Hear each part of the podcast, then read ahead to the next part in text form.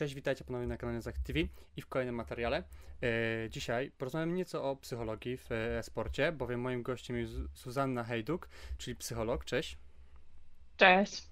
Przed tym oczywiście, jak, jak to u mnie bywa, e, przed przejściem do pytań, e, chciałem powiedzieć, że sponsorem naszych materiałów jest firma Odra, czyli producent słodyczy. Jeżeli chcecie mieć co chrupać przed komputerem, no to wpadajcie oczywiście do pierwszego linku w opisie. Tam znajdziecie wszystkie informacje.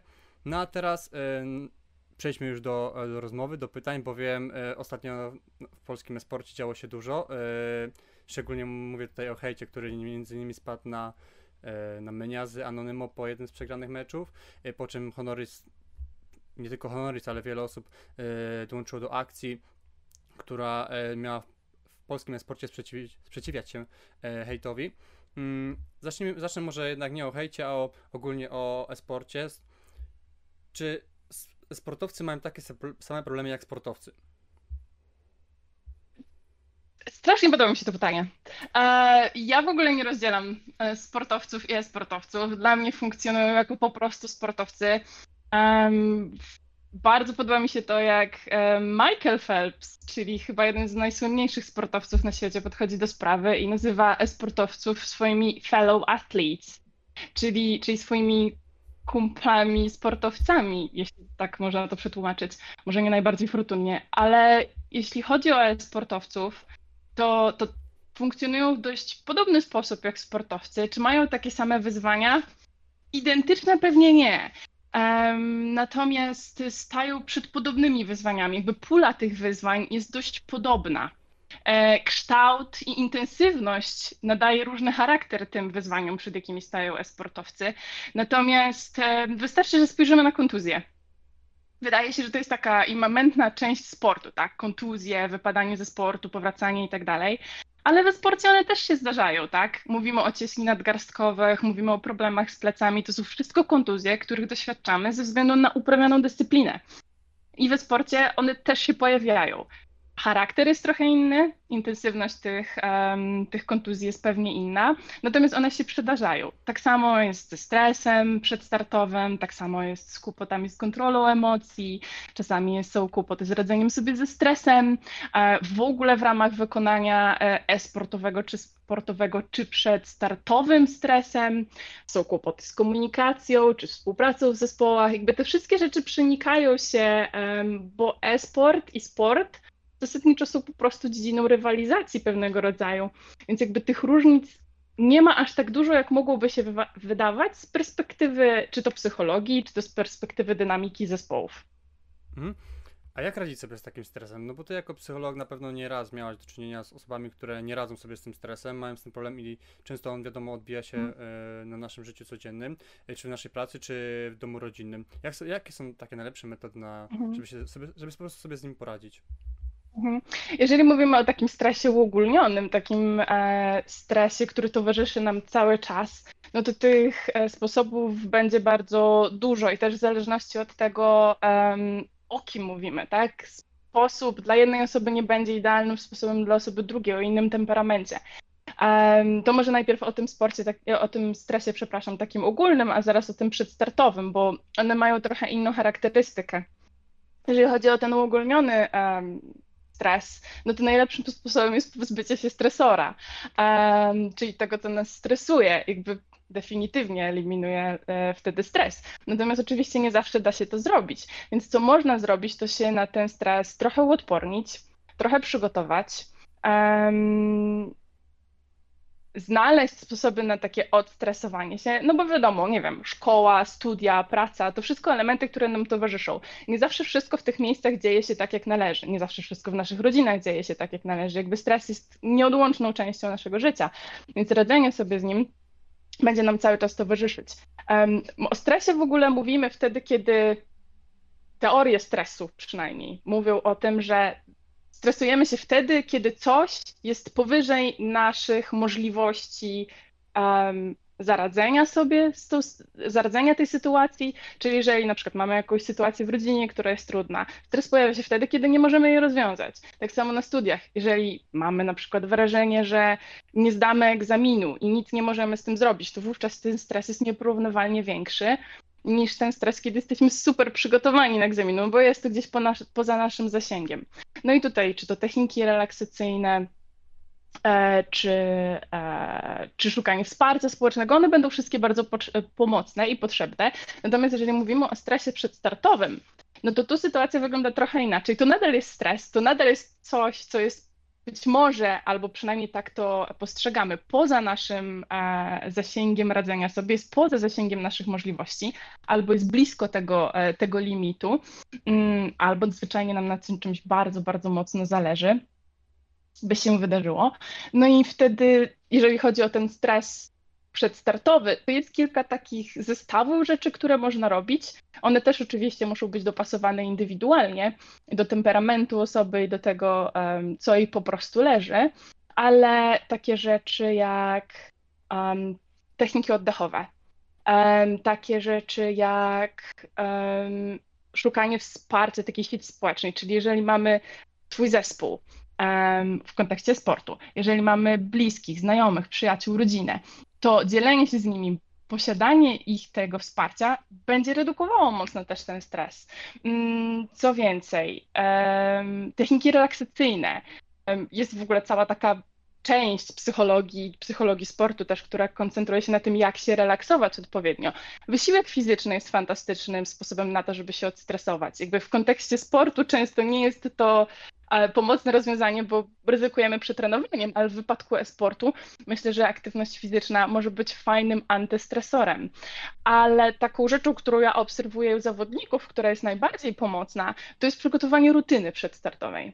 Czy to jest indywidualna rutyna przedstartowa, czy to jest zespołowa rutyna przedstartowa, to przygotowanie sobie całego takiego cyklu działań przed startem jest bardzo uspokajające, bo mamy poczucie kontroli sytuacji, tego na co ja mam wpływ, a zdanie sobie sprawy też z tego, na co mam wpływ, a na co nie mam wpływu, czyli ćwiczenie takiego poczucia sprawczości, też jest, e, też jest odstresowujące. No bo jeżeli jesteśmy w sytuacji, w której stoimy przed wyzwaniem meczu, jakiegoś ważnego, pierwszego swojego nawet meczu, to zastanowienie się, co jest e, w zasięgu mojej sprawczości, a co nie, już jest w pewien sposób uwalniające od stresu. No bo mogę sobie zadać pytanie, czy mam wpływ na to, jak wystąpi przeciwna drużyna? No nie mam, tak? Więc dlaczego mam się tym przejmować? To jest takie meta myślenie, myślenie o myśleniu. E, dlaczego mam myśleć w taki sposób, albo dlaczego mam się tym stresować, jeżeli nic z tym nie mogę zrobić? Mogę to po prostu odpuścić. A czym się powinienem stresować? Tym, jak dobrze jestem przygotowany, tym, czy wszystko przygotowałem sobie na start, czy dojadę, czy dojadę na czas, czy nie będę mieć rewolucji żołądkowej, bo na przykład najadłam się, nie wiem, fast foodów dzień przed i tak dalej, i tak dalej. Także te rzeczy w zakresie naszych naszego wpływu, warto wrzucić sobie w rutynę przedstartową i w ramach tej rutyny przedstartowej po prostu postępować pewnego rodzaju protokołem, e, który doprowadzi nas do momentu startu, kiedy czujemy się już po prostu gotowi na to, co ma nadejść. Rozumiem. E, Powiedziałeś sporo, znaczy rozwinęłaś temat, wydaje mi się, że nie mam bardzo tutaj dodać, tak, bo o stresie to można po prostu rozmawiać, no bo ty jakby również od tego jesteś, ty pomagasz ludziom e, w tej kwestii, ale co oprócz stresu taki psycholog może dać drużynie sportowej, samemu zawodnikowi? Mhm. Um, jeżeli chodzi w ogóle o rolę psychologa sportu, e-sportu, wykonania, bo my pracujemy nie tylko ze sportowcami, zdarza się, że pracujemy na przykład z wokalistami. I w ogóle cała ta pula um, jakby naszej branży, tego czym się zajmujemy, zależy, albo, albo działań, jakie wykonujemy, zależy od tego, z kim pracujemy też. Um, czy pracujemy z całym zespołem jako z całością, czy z pojedynczymi osobami, które są częścią składu, bo tak też się zdarza, że wspieramy na przykład jednego zawodnika z pięcioosobowego składu, e, czy pracujemy z trenerem, czy z organizacją jako całością. I wówczas te oddziaływania, to co my robimy z tymi zespołami są trochę inne, zależy to też od celu, z jakim przychodzimy. No ale generalnie rzecz, rzecz ujmując, rolą psychologa jest przede wszystkim, psychologa sportu, jest optymalizowanie działania. My nie jesteśmy od tego, żeby coś tam leczyć, coś tam naprawiać i tak dalej. My jesteśmy po to, żeby przyjść, zobaczyć, jakie są um, zasoby jakie są rezerwy, czyli tak mówiąc językiem niepozytywnym, niepsychologicznym, jakie są mocne i słabe strony, i jak nad nimi pracować, żeby ten efekt końcowy, ten efekt wykonania um, był jak najlepszy. Pracujemy nad tym, żeby wspierać zawodnika w takim procesie, planować cele, też wyznaczać cele, uświadomić sobie, co taki zawodnik chce osiągnąć, albo organizacja, albo zespół. Zajmujemy się też psychoedukacją, czyli jeżeli na przykład mamy rodziców, którzy w teorii mają być wsparciem dla zawodnika, a wychodzi różnie czasami i, e, i, i taki taka psychoedukacja całego środowiska wokół sportu jest bardzo ważna, bo ta siatka społeczna, która otacza e, zawodnika, jest ogromnym zasobem albo ogromną kulą u nogi, w zależności od tego, w jaki sposób jakby funkcjonuje. Wychodząc z założenia sportu pozytywnego, który mi gdzieś tam głęboko leży w sercu i, i, i jakby w takim trybie staram się funkcjonować z zawodnikami, to patrzymy na zawodnika jako na całość, nie tylko na jego jeden aspekt wykonania, tak? Czyli jeden sezon, pięć celów, Mistrzostwa Świata i tak dalej. E, patrzymy na niego jako na całość, staramy się wspierać tą całość, żeby on jako człowiek w pierwszej kolejności, a w drugiej kolejności jako zawodnik mógł osiągać te swoje, um, swoje cele. No wiadomo, że tak najbardziej wszystkich interesuje jakby jak my to robimy, w jakich jakby zakresach się poruszamy.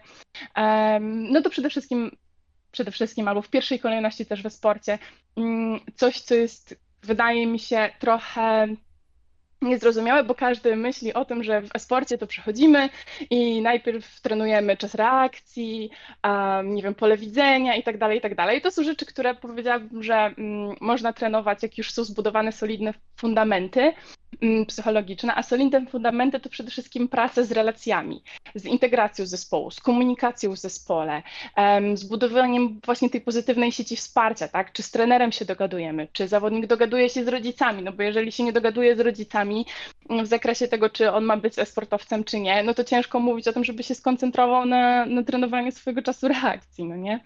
Um, Wchodzi tutaj trening mentalny, czyli mindset, motywacja, wyznaczanie celów, umiejętności społeczne, kontrola emocjonalna i tutaj wielki rozdział tiltu we sporcie. Relaksacja i stres, o którym już mówiliśmy, e, lęk albo stres przedstartowy. E, tu jest różnica dość duża między lękiem a stresem przedstartowym. E, koncentracja, trening pola widzenia, techniki wyobrażeniowe, a czasami zdarza się też, że pracujemy w takim obszarze powrotu do sportu albo e-sportu, po jakiejś kontuzji, po dropoucie, po burnaucie, tak, kiedy już ktoś nie chce grać, bo czuje, że, że nie sprawia mu to satysfakcji, nie jest w stanie tego robić dalej, a chciałby być może w jakiejś perspektywie do e-sportu powrócić. Mhm. A czy ty uważasz, że psycholog to taka osoba, która powinna być na stałe w każdej drużynie sportowej? Jasne, że tak. W sensie, oczywiście żartuję, tak? No bo wiadomo, moja branża i najfajniej jakby z naszej perspektywy byłoby, gdybyśmy mogli wszędzie wspierać i wszędzie pomagać i przekazywać też tą wiedzę, którą sport już ma, żeby nie wymyślać tego koła na nowo we sporcie, nie? Bo jakby te zasoby wiedzy, doświadczenia i tak dalej w wielu przypadkach można, można po prostu przenieść a z drugiej strony, czy każda organizacja, każdy zawodnik, czy każdy, e, każdy trener potrzebuje psychologa, psychologa sportu? Nie, potrzebuje psychologii sportu. Czy potrzebuje psychologa? No to jest kwestia sporna. Mm, myślę, że myślę, że to jest jest, jest, wielu zawodników, jest też wielu, wielu trenerów, którzy coraz więcej czytają, edukują się, starają się zrozumieć psychologię sportu, czy to psychologię sportu. Jest już coraz więcej publikacji też na ten temat, jest coraz więcej badań na ten temat i oni po prostu mogą tą drogę znaleźć sami albo z takim okazjonalnym wsparciem psychologa, powiedzmy, że na kilka warsztatów. Um, ale też tak z drugiej strony myślałam sobie właśnie o tym dzisiaj, czy, czy jeśli by takie pytanie padło, to, to co bym odpowiedziała. Czy musi być ten psycholog? Nie. Czy szybciej i sprawniej z psychologiem? Zdecydowanie tak. No bo to trochę tak jest, jakbyśmy mieli questa w grze, no i wiemy, co trzeba zrobić, tak? Jakby wiemy, jakie jest założenie questa, ale nie ma zadań pobocznych, nie ma nic wylistowane w questie, co trzeba zrobić. Um, więc to jest takie trochę chodzenie po omacku, szukanie tych, tych rozwiązań, albo po prostu dłużej ich szukanie. Nie mówię, że gorzej, po prostu pewnie dłużej i żmudniej niż, niż byłoby to z psychologiem. Już jakiś czas temu, w, e, jeszcze za czasów Virtus Pro, legendarnego składu polskiego, e, bo mówione, w którymś z wywiadów powiedział jeden z zawodników, że gdyby psycholog dołączył szybciej do drużyny, to zespół mógłby się dłużej utrzymać, przynajmniej jego człon by wyglądał bardzo podobnie i ta gra po prostu mogłaby się poprawić, więc wydaje mi się, że tutaj możemy o tym mówić, że ten może nie, dla wielu pewnie psycholog jest mm, potrzebny w momencie, kiedy coś nie wychodzi, tak? Kiedy jest, jest problem, zaczynają się e, słabe wyniki. I czy to według Ciebie jest najważniejsze, czy to w tym momencie psycholog powinien e, mhm. dotrzeć, czy już nie powinien wcześniej po prostu przed, mhm. jak już czujemy po prostu, że coś jest nie tak? E, ja bym w ogóle powiedziała, że najlepiej to jest wejść wtedy, kiedy zespół się zawiązuje. No bo lepiej zapobiegać niż leczyć. Jeżeli jesteśmy w stanie zbudować od podstaw e, w organizacji czy w zespole dobrą komunikację, zrozumienie, jakby wiemy, kto pełni jaką rolę w zespole, dlaczego i nie tylko jakby w samej grze, ale też poza, tak? No bo jasne jest, że kto jest, nie wiem, kto jest snajperem, a kto jest supportem na przykład, tak? Ale poza grą też jaką rolę pełnię w zespole, czy wspieram, czy czy jestem frontmanem, czy przewodzę zespołowi mm, i tak dalej, i tak dalej. Więc jakby najlepiej jest zadziałać na samym początku, kiedy zespół się tworzy. Oczywiście, czy to jest zawsze możliwe? Nie. Wiele zespołów się tworzy, mając niskie, niskie jakieś takie budżety, albo, albo nie mają takiej świadomości zasobów. To nie oznacza, że psycholog nie może dołączyć później. Oczywiście, że się da. Czy można włączyć psychologa też w momencie taki, kiedy coś się psuje? Tak, My też pracujemy w takich interwencjach, tak bym to nazwała, kiedy w zespole dzieje się źle, jakby my przychodzimy z gaśnicą, tak bym to nazwała, nie? Jakby gaszenie pożarów to też część naszej pracy, jeśli chodzi o zespoły. Natomiast um, każdy moment jest dobry, a im wcześniej, tym lepiej, bo jesteśmy w stanie dać dużo więcej, pracować wtedy więcej na mocnych stronach, a nie na problemach. No bo jak przechodzimy w momencie jakiegoś kryzysu, jakiegoś konfliktu zespołowego, no to oczywistym celem jest usunięcie tego konfliktu bądź tego kryzysu. A kiedy przechodzimy w czasach, powiedzmy, pokoju, jesteśmy w stanie dużo więcej pracować na takich zasobach, o których sobie albo nie uświadamiamy, albo jesteśmy w, sta w stanie wzmacniać mocne strony, albo pracować nad jakimiś takimi zasobami, które jeszcze nie są tak dobrze wypracowane ta praca jest spokojniejsza, bardziej metodyczna i, i, myślę, że długiej perspektywie daje dużo więcej zespołom niż takie interwencje. I też dzięki temu do takich interwencji dochodzić nie musi. Mhm. Więc jakby zapobiegamy tym kryzysom zamiast je, zamiast je usuwać. Mówimy właśnie tutaj o roli psychologa w zespole, ale jak według Ciebie, jak to robiłaś, jak polepszyć takie relacje psychologiczne w zespole po prostu? Mhm. Ach, polepszyć, jakby budować w ogóle, bo to nie chodzi nawet e, o to, żeby, żeby je w jakiś sposób naprawiać, tylko żeby, żeby dobrze je budować. Mm, hmm. Na pewno bardzo ważne jest to, żeby siebie poznać i zrozumieć w zespole. Jakiekolwiek to, jakakolwiek organizacja to nie jest, e, jakikolwiek zespół to nie jest, to najważniejsze jest, żeby nawzajem siebie znać i rozumieć. Jakby nieprzeceniona jest rola integracji zespołu i tego, w jaki sposób się poznaje i funkcjonuje. Czy to jest zespół, który budujemy od zera, tak? Bierzemy wszystkich graczy od samego początku i oni od samego początku funkcjonują razem, czy na przykład jeden odchodzi i jeden wchodzi w to miejsce. Jakby to jest zawsze dobry moment na to, żeby ten zespół zintegrować i lepiej um, w dobry sposób zbudować tą relację zespołową. Mm, na pewno szczera i otwarta komunikacja tak myślę, że to jest taka kluczowa sprawa. Dobre mechanizmy feedbacku, czyli rozmawiania o tym, co nie gra w momencie, w którym czujemy, że coś nie gra, nie zostawianie tego na później. To są kwestie, które będą nam właśnie zapobiegały tym, tym konfliktom albo tym interwencjom, e, kiedy jesteśmy w stanie dobrze się ze sobą komunikować na wspólnie ustalonych zasadach. Myślę, że dobrym sposobem, do, dobrą metodą też jest ustalanie takich zasad gry, naszych wewnętrznych, czyli jeżeli jesteśmy zespołem, to w jaki sposób razem funkcjonujemy. Nawet spisanie pewnego rodzaju kodeksu. To może się wydawać na początku dość sztuczne, czyli no nie wiem, to mam usiąść z ziomkami, tak, i ustalić jak, jakby jak my współpracujemy, to może się wydawać na początku bardzo sztuczne, natomiast naprawdę pomaga w sytuacjach, kiedy są jakieś kwestie sporne, albo kiedy musimy już funkcjonować na troszkę bardziej sprofesjonalizowanym poziomie. Wtedy te, te reguły um, dość jasno wytaczają nam kierunek, w którym idziemy.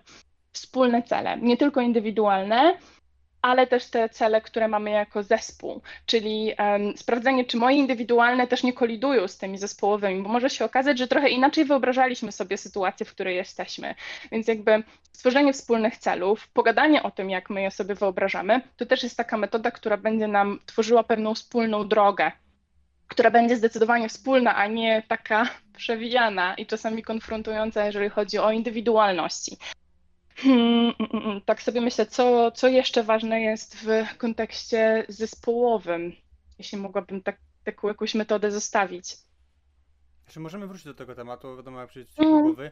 E, Ja mam teraz pytanie o trening mentalny, bo wiemy, że wiadomo, Mhm. że każdy jakby sportowiec, sportowiec ma wyznaczony tam trening granatów, tu rzutu e, młotem przykładowo, a czy taki trening mentalny też powinien być od razu wpisany w tą listę treningów? Czy on nie powinien być takim, powiedzmy, głównym? Mhm.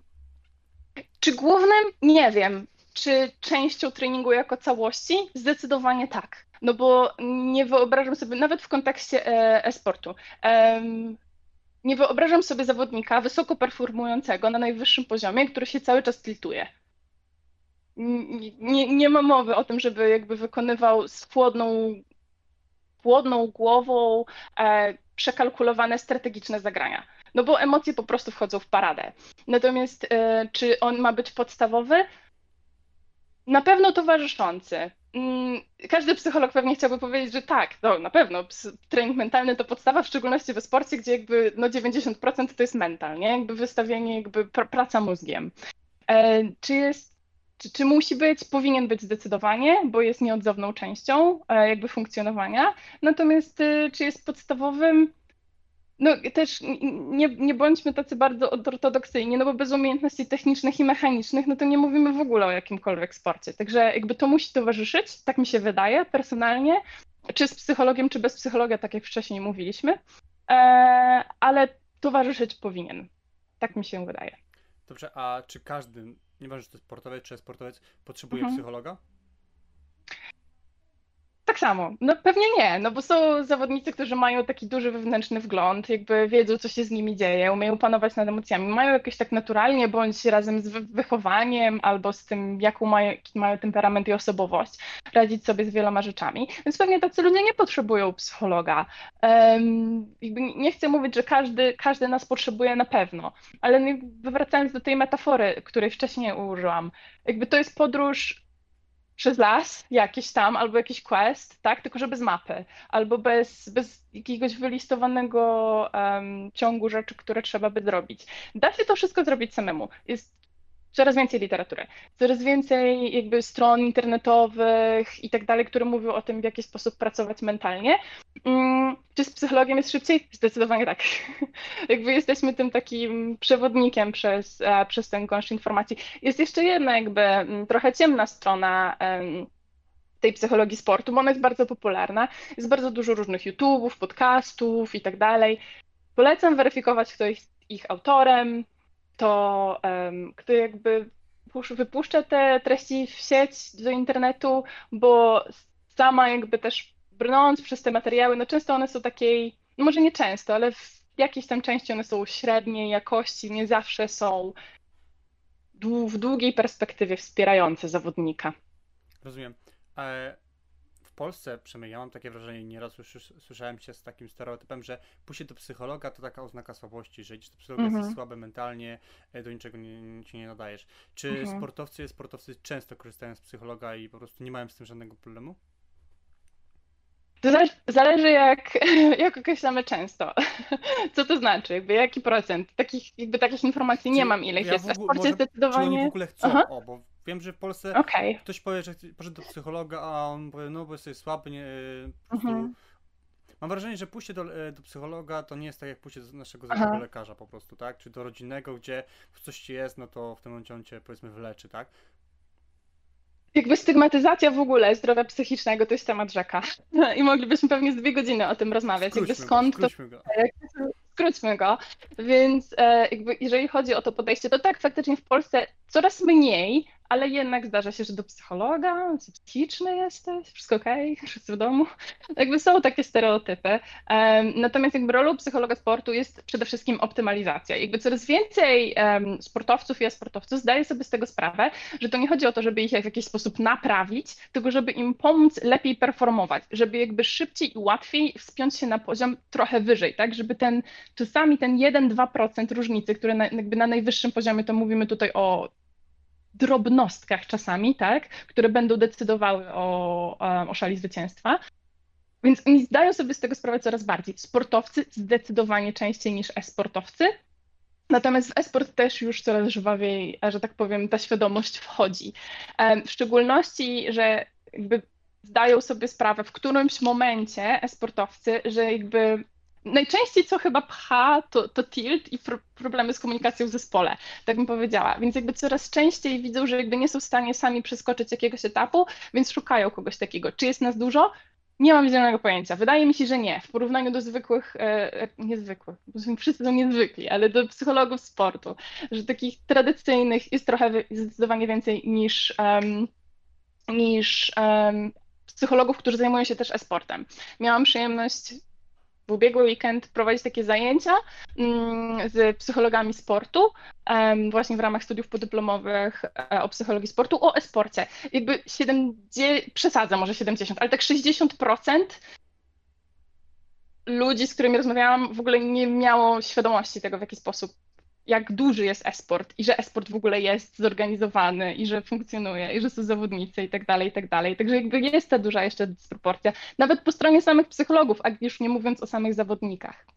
Więc um, myślę, że to też jest, um, postępuje taka destygmatyzacja. Um, sportowcy już o tym wiedzą, coraz częściej sportowcy też. Widzimy na przykład ostatni, um, ostatni split LCS y, w League of Legends, jakby zmienił bardzo optykę tego, co się dzieje w League of Legends w Europie.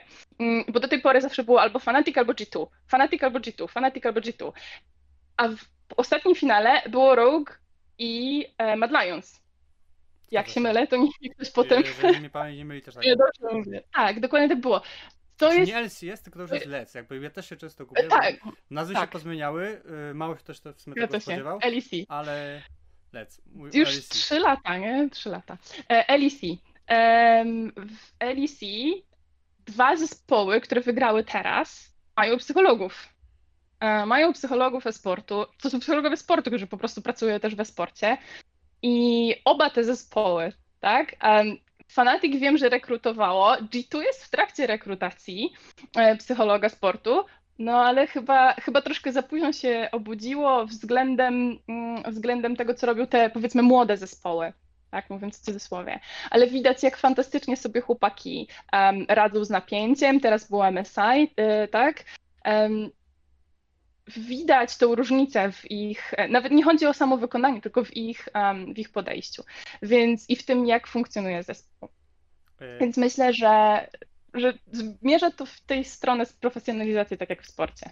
jeszcze przed przejściem do tematu hejtu, który wiadomo też jest jak, jak temat mm -hmm. rzeka, e, czy psycholog, jak, po prostu psycholog, e, jak, jaka jest różnica między sportowcem a sportowcem e, w kącie e, z, z, z, e, z, patrząc z perspektywy psychologa?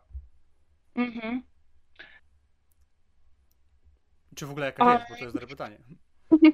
A jeżeli chodzi o sam trening mentalny, um, powiedziałabym, że trochę większy nacisk na, na, na, trening poznawczy, czyli na czas reakcji, na uwagę, na koncentrację, na skupienie. Jakby tu troszeczkę inaczej się pr pracuje, troszeczkę może intensywniej, um, bo rozgrywka często trwa dłużej niż wykonanie sportowe, tak i nie ma takiego oddechu tak jak w wykonaniu, e, w wykonaniu sportowym, tak? No jak jesteśmy 90 minut na boisku, no to mamy tą chwilę, kiedy złapać ten oddech, obejrzeć, tak, co się dzieje. E-sport jest dużo bardziej intensywny, więc troszkę ten trening poznawczy, jakby funkcji poznawczych wygląda trochę inaczej. E, ale powiedziałabym, że jakby największym takim wyzwaniem dla psychologów jest to, żeby nauczyć e-sportowców um, takiego holistycznego podejścia, czyli zdrowego trybu życia, czyli że to, co jesz, jak śpisz, jak odpoczywasz i co pijesz, wpływa na to, jak funkcjonujesz. To wszystko nie pozostaje bez wpływu na twój układ, um, układ nerwowy. Więc jakby przekonanie o zmianach nawyków, jakby tu trzeba przekonywać, trzeba wprowadzać tą edukację, bo często, często młodzi sportowcy nie mają, e, sportowcy mam tu na myśli, nie mają tego, tej świadomości, że aktywność fizyczna i, um, i dieta, one są niezwykle ważne do tego, jak funkcjonuje nasz organizm. Jesteśmy tym, co jemy, jesteśmy tym, jak się ruszamy. Więc żeby zapobiegać zarówno kontuzjom, um, jak i w szybszemu po prostu funkcjonowaniu układu nerwowego, jakby trzeba te rzeczy wprowadzać. Sportowcom nie trzeba tego tłumaczyć. Oni wiedzą, że ich ciała to maszyny do wykonania, więc, um, więc jakby to jest ta różnica.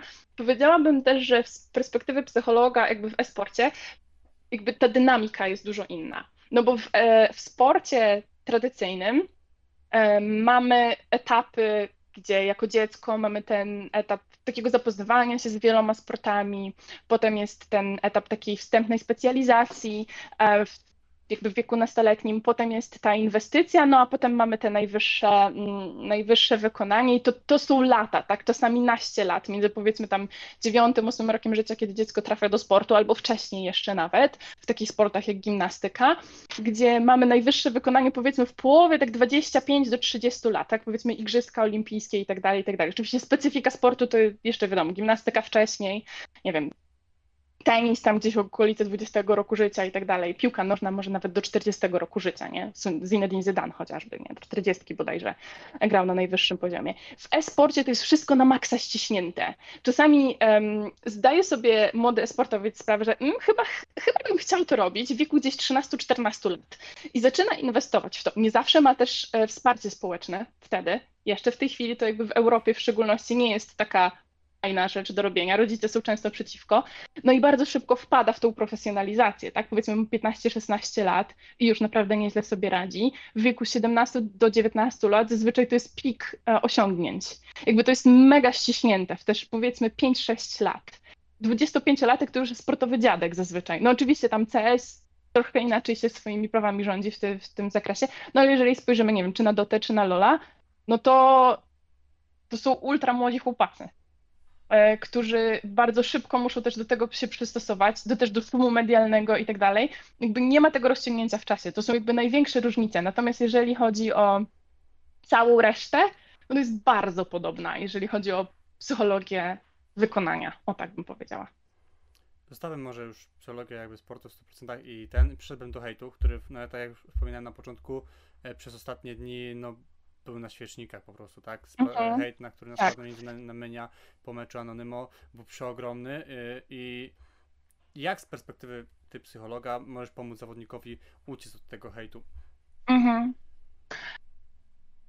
Uciec od hejtu to się chyba nie da. Może, pomóc mi walczyć. Bo... Pomóc czy walczyć, to ja myślę, że musimy systemowo. E, I trochę esport nie, chcę oceniać, to jest wszystko bardzo trudne i, i ta sytuacja też taka bardzo napięta.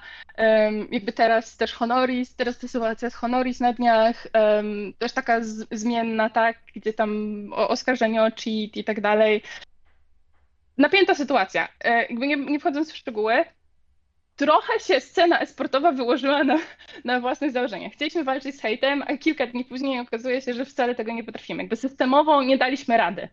Um, a to jest jakby moim zdaniem klucz do tego, żeby zapobiegać hejtowi w pierwszej kolejności, jakby edukować ludzi, dlaczego tak jest. Jakby osoba, która doświadcza hejtu, zawodnik na przykład, tak, który doświadcza hejtu, bo on nie ma na niego za bardzo wpływu. Oczywiście, o ile nie zrobił czegoś totalnie kategorycznie złego, tak, no to nie jest winien temu, co się wydarzyło na przykład. No nie wiem, zakładam, że hejt wy, wylewający się ostatnio na Ninjas in Pyjamas jakby nie dotyczy samych zawodników. W sensie oni są często Bogu ducha winni tego, co się zdarzyło. Przypuszczam, że oni takich decyzji nie podjęły, które doprowadziły do tego, jak sytuacja wyglądała. No ale doświadczają tego, tak? Um, więc jak taki zawodnik może sobie poradzić z takim hejtem? Przede wszystkim podkreślać swoje granice. Co to znaczy? Czyli możemy zwracać uwagę, powiedzieć: Hej, rozumiem, że czujesz się tak, jak czujesz, nie mam na to wpływu, tak? Albo odpowiadać w sposób, który jest z nami wewnętrznie zgodny. To nie zawsze jest łatwe, tak? No bo jeżeli dostaję kupę hejtu, to wiadomo, że najłatwiej to jest po prostu fireback, nie? Jakby odpowiedzieć ogniem na ogień. No i tutaj wchodzi nam też w, jakby w pole ta kontrola emocjonalna. Jakby czy jesteśmy w stanie jakby odciąć się troszeczkę, odsunąć od tego. To też jest droga, tak? Tego się można wszystkiego nauczyć.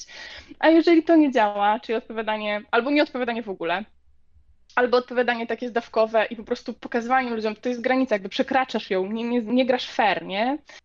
no to po prostu blokować i zgłaszać. To też jest jakieś rozwiązanie. Mm, z drugiej strony, jak sobie tak wewnętrznie z tym radzić, no bo można zablokować, można zgłosić, jakby nadal to we mnie jest, tak, że z tym hejtem się spotkałem, spotkałam, jakby jest mi po prostu z tym niefajnie. No to też zrozumieć, dlaczego ktoś to robi. Jakby hejt powstaje, jakby pożywką dla hejtu są jakieś przekonania i uczucia tej osoby, która hejtuje, tak, hejtera. Mm, jakby one są oparte często o takie bardzo jednostronne, spłaszczone postrzeganie, czy to organizacji, czy to osoby. Jakby brak, jakby zestereotypizowane postrzeganie. Więc jakby brak tego zrozumienia drugiej strony. Jakby, żeby to zrozumieć, to też jest dość trudno, ale czasami zrozumienie, że to po prostu okej, okay, to jest młody człowiek, który gdzieś tam się strasznie, strasznie wkurza, może nam trochę ulżyć w drugą stronę. Mm, takim chyba najlepszym sposobem jest po prostu budowanie odporności psychicznej, tak? Takiego, okej, okay, to się wydarza, ale to jest poza mną, nie mam na to wpływu, ja tu jestem, tu robię swoje. No i jak taką odporność psychiczną budować? No to przede wszystkim kontrolować swoje emocje, nauczyć się jakby odpowiadać w sobie, w swoich emocjach na to, um, ćwiczyć poczucie sprawczości, czyli czy ja mam na to wpływ, czy ja mogę coś z tym zrobić? Jeśli nie mogę zrobić, to let it go. Po prostu jak Elza, nie? We Frozen. Let it go um, budować poczucie pewności siebie, tak? Bo jeżeli ja mam wewnętrznie ulokowane poczucie pewności siebie, ja wiem, ile jestem warty, warta, um, moi bliscy też to wiedzą, tak? To jakby jakiś hater w internecie niespecjalnie jest w stanie to zmienić, jakby to poczucie mojej własnej wartości. Więc takie solidne, ugruntowane poczucie mm, własnej wartości, poczucie pewności siebie, one na pewno będą pomagać z radzeniem sobie z hejtem. Um, jakby też siatka społeczna, um, przyjaciele, znajomi, team, rodzice, jeżeli oni są blisko, oni rozumieją sytuację, to jakby to, że oni są i po prostu czasem powiedzą parę wspierających słów, może czasami być bardzo dobrym remedium, nawet jeżeli ta, ta pewność siebie nie jest taka jeszcze silna, nawet jeżeli nie zawsze kontrolujemy swoje emocje i tak dalej. Czasami po prostu akceptacja tej sytuacji jest jak jest, wrócę do tego za dzień, za dwa, też może nam pomóc po prostu w e, radzeniu sobie z tym hejtem. Jak sobie radzić z hejtem systemowo, no to musielibyśmy pewnie zwołać konferencję. No ale generalnie jakby dużo już na ten temat zostało jakby powiedziane, że przede wszystkim edukacja i zrozumienie tego, że patrzenie na ludzi inaczej niż tylko przez pryzmat jednej sytuacji na pewno pomaga nie hejtować. Czy z Twojej perspektywy, z perspektywy oczywiście psychologa, e, tacy zawodnicy powinni czytać te komentarze? Czy jednak powinni czy to, e, czy, czytać, czy nie czytać? Czy przeprocesować całą mhm. tą sytuację? To zależy. Jakby, to jest stałe zdanie psychologów, to zależy. Pytanie, czy to pomaga, pomaga zawodnikowi. Też w jakiej sytuacji jest zawodnik. Czy zawodnik um, jest na przykład przed turniejem i potrzebuje się podgrzać, w sensie ma za mało pobudzenia, a jego optymalne funkcjonowanie jest takie, kiedy trochę jest taki jednak trochę zły, trochę wkurzony, trochę nagrzany na ten przeciwny zespół i jakby czytanie tych, tych komentarzy mu pomaga na przykład, nie? No to powiedziałabym tak, niech czyta. Ale jeżeli nie pomaga, tylko wzmaga stres, e, który dla osoby, która nie potrzebuje tak dużego, takiego wysokiego progu stresu, mm, jeżeli to wprowadza jakieś takie zwątpienie w swoje umiejętności, no to zdecydowanie nie czytać. Um, także jakby raczej powiedziałabym, że dać sobie spokój, nie wyszukiwać. Jak coś do mnie przyjdzie, to sobie z tym poradzić, ale jakby aktywnie nie poszukiwać tego typu komentarzy. Natomiast e, Natomiast jeżeli mówimy po na przykład, w, jakby mieliśmy mecz, tak, i jakby wsypie się hejt. Bardzo lubię pewną zasadę 24 godzin i ona powinna, mojej perspektywie ja zawsze doradzam trenerom, że 24 godziny nic się nie powinno dziać po meczu. Nic nie czytamy, nic nie sprawdzamy, nie rozmawiamy też o meczu, dajemy sobie na luz, żeby po prostu przeprocesować to, co się wydarzyło. Czy to była porażka, czy to była wygrana. Mamy szansę pogodzić się z emocjami, które w nas są, przeprocesować, wyrobić sobie własne zdanie i opinię na to, co się wy wydarzyło, a podczas kiedy czytamy, rozmawiamy, dyskutujemy, bardzo łatwo jest zaburzenie tego, tej perspektywy, tak? I też dużo łatwiej o podgrzanie tych emocji, które są nam niepotrzebne.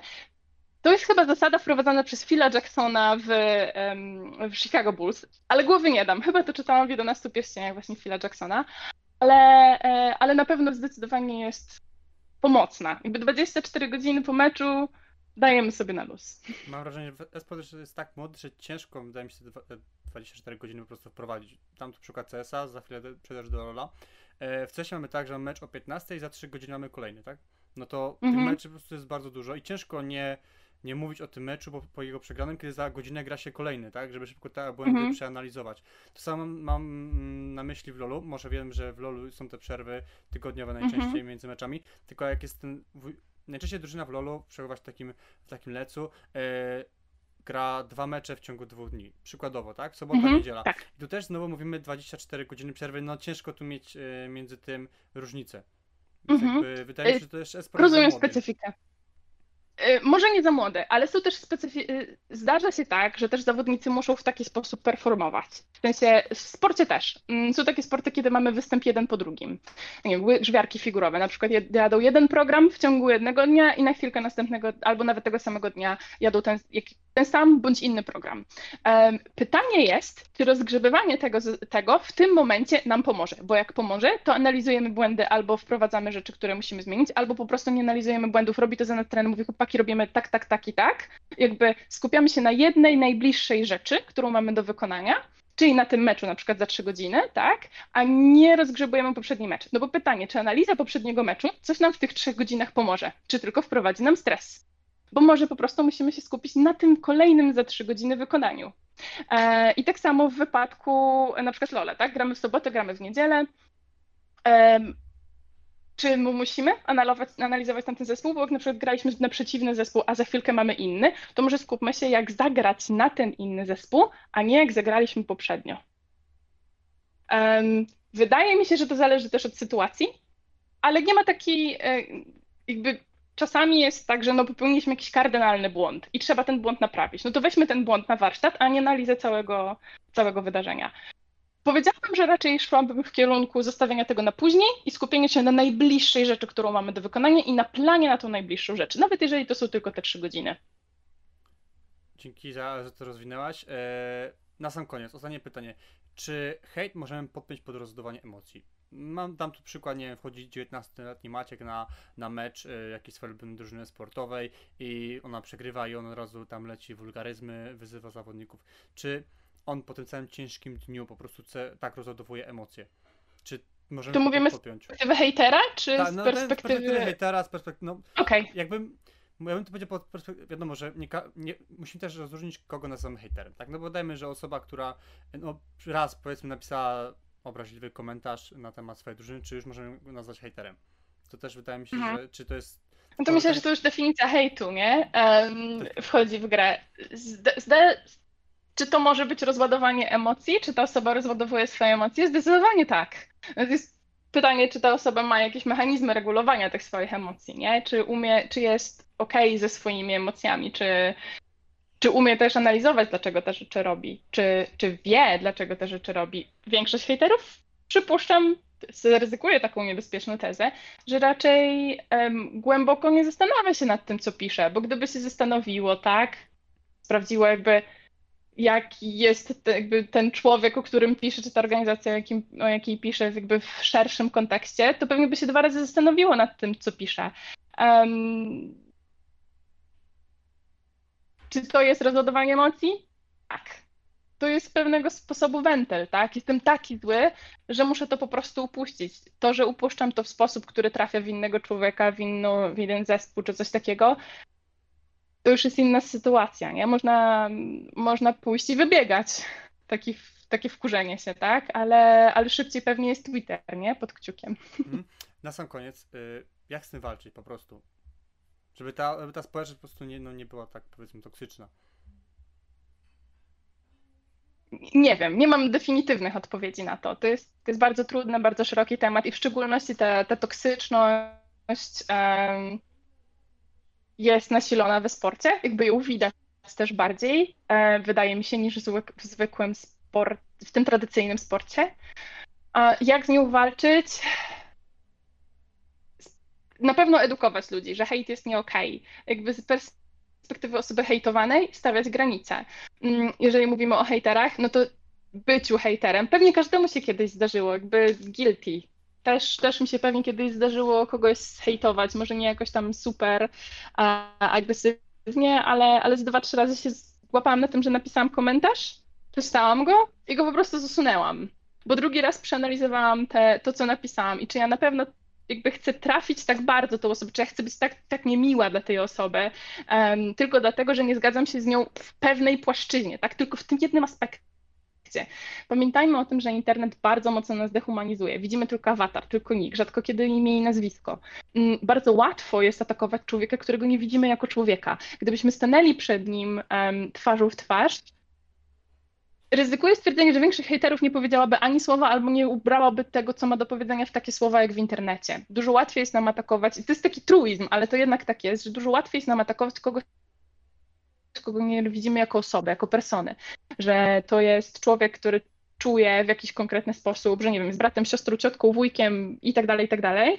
Mm, bo widzimy tylko awatar, nie? I to ty jesteś tym, tym, który jest przeciwko mnie jakby następuje taka trybalizacja, nie? Taki, taki podział um, na, na, nas i na ich. I dużo łatwiej jest e, wtedy hejtować. Więc żeby usunąć tą granicę między my a wy, to szukanie tych podobieństw, jakby w czym ten człowiek jest podobny do mnie, jakby jakie mamy cechy wspólne, to na pewno pomaga. E, panowanie nad emocjami, to też tak personalnie będzie, będzie pomagało. No i edukacja, edukacja, edukacja. Tym, tym że hejt e, nigdy niczego nie zmienia, do niczego dobrego nie prowadzi, tylko kogoś krzywdzi. I takie poczucie też, że jak ja go doświadczam i przypomnienie sobie o tym, jak ja czułem hejt na sobie, to tak samo sprawiam, że ten drugi człowiek, człowiek się czuje. Myślę, że to jest mocne odpowoływanie się do, do, do empatii, do tego, że uwaga, nie zupa z Azji. Empatia to, to po prostu współ, współodczuwanie i tego, że jakby z tym drugim człowiekiem można gdzieś tam na jakimś innym poziomie się porozumieć. Um, nie mam definitywnych odpowiedzi na to. Nie wiem, jak systemowo w sporcie um, rozwiązać problem hejtu czy, czy toksyczności. Myślę, że to jest długa droga. Możemy tu, wydaje mi się, powiedzieć takie fajne przysłowie, yy, ale nie będę go przytaczał, oczywiście go za świecie. Resztę każdy sobie może dopowiedzieć, no bo nie wypada mi tego powiedzieć. Yy, bardzo dziękuję za rozmowę. Było mi bardzo Dziękuję miło. Ci również. Że, że wielu osobom wyjaśniliśmy e, kwestie hejtu i roli psychologa w sporcie, który sam mam wrażenie staje się coraz bardziej popularny w, w drużynach, nie tylko tych topowych, ale i tych które, e, słabszych, które chcą dążyć do e, bycia m, mm, najlepszym. Dzisiaj moim gościem była e, Zuzana Hejduk-Mostowy. Dziękuję Ci bardzo za rozmowę. Dziękuję Ci również. Bardzo dziękuję za oglądanie i do następnego. Cześć.